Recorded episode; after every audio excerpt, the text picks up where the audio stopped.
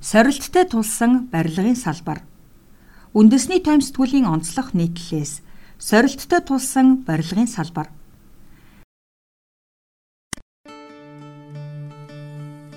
Цар тахлын нөлөөнд аялал жуулчлалтай энэ зэрэгцсэн өртсөн салбар бол барилга.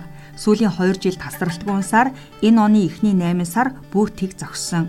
Үүнд шууд болон дам хэд хэдэн хүчин зүйлс нөлөөлж байна салбарын хөрөнгө оруулалт буурсан болон энэ үед нь дайран дээр давс гихчээр бараа материалын үн өсөд байгаа нь их хүнөлөөлжээ.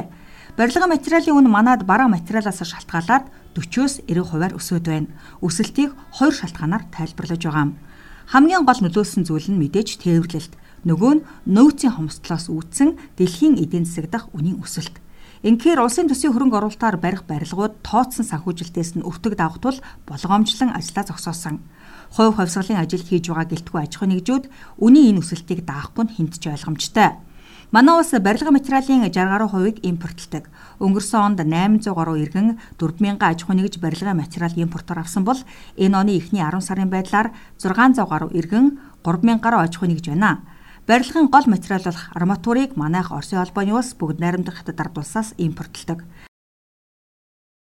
Дотоодод арматурын 14 үйлдвэр бий. Эдгээр нь дотоодын хэрэгцээний 20%-ийг хангадаг бол үлдснийг нь хоёр хөршөөсөө авдаг. Дотоодын нийлүүлэлтийг ядаж 30% болгол үнийн өсөлт нийлүүлэлт тогтвортой байна гэж салбарынхан үзэж байгаа юм. Нөгөө талаас орон сууцны үнийн өсөлт салбарт нөлөөлж байна. Энэ онд орон сууцны үнийн индекс 11%-аар өсжээ. Хуучин орон сууц 15, шинэ орон сууцанд 10% өсөлт ажиглагдсан юм. Цар тахал гарснаас хойш нийслэлд оршин суух хүн нэмэгдсэн байна. Үүнд гадаадад амьдарч байгаад их орондоо ирсэн монголчууд жин даржээ. Улаанбаатарын хүн ам жилд 2.2%-аар өсдөг бол энэ жил хагас жилд 2%-аар өссөн байна. Инхээр орон сууцны эрэлт нэмэгдэнэ. Эрэлт хэсэггүй хугацаанд үргэлжилсэн бол өссөн үн хизээч буудгүй Монголын жишгээр орон сууцны үн тогтлоо. Нь эргээд зогсон салбараа доош нь ширж байна. Барилгын нэгдсэн холбооны өгсөн мэдээлэлээр өнөөдөр салбарын 6000 гаруй аж ахуй нэгж байна. Үүнээс 400 нэвтвэхтэй үйл ажиллагаа явуулдаг. Барилгын салбарт жилд 5 орчим их найт төгрөг эргэлттэй гэсэн тоо бий. Тэгвэл энэ оны эхний 8 сард 400 тэрбум төгрөгийн ажил хийжээ. Барилгын салбар дотоодын нийт бүтээгдэхүүнд 1.5 их найд жилд 150 гаруй тэрбум төгрөгийн татвар төлдөг. Эдийн засгийн нөлөө бүхий салбар. Гэвч энэ салбар өмнөх оноосоо 40%-аар сар тахалгүй 2019 оноос 70 орчим хувиар буураад байна.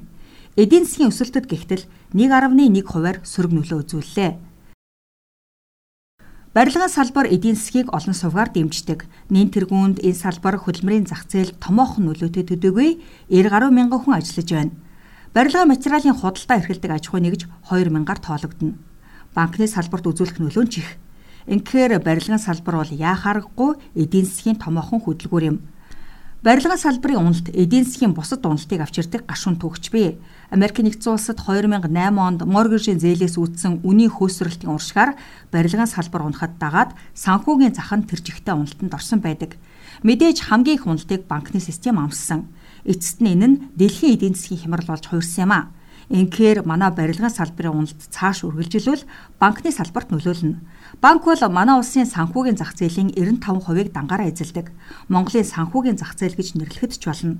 Тиймээс сэхэнд орохоос өмнө барилгын салбараа татаж босгох хэрэгтэй. Уг нь бол засгийн газар үйл ажиллагааны хөтөлбөр болон сонгуулийн мөрийн хөтөлбөрт баг дунд орлоготой иргэдэд орон сууцаар хангах төрийн албан хаагчийн орон сууцны үнийг төрийн оролцоотойгоор барьна гэсэн санаачлагууд бий.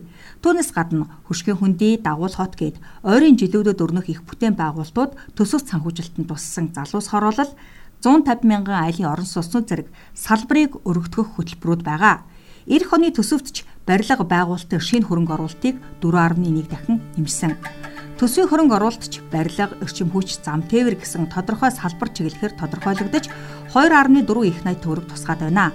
Харин ихэл галийн нийлүүлэлтийн хомсдол түүнээс шалтгаалсан дэлхийн зах зээл дэх үнийн өсөлтийг тэсч харах сорилт барилгын салбарт тулгараад байна.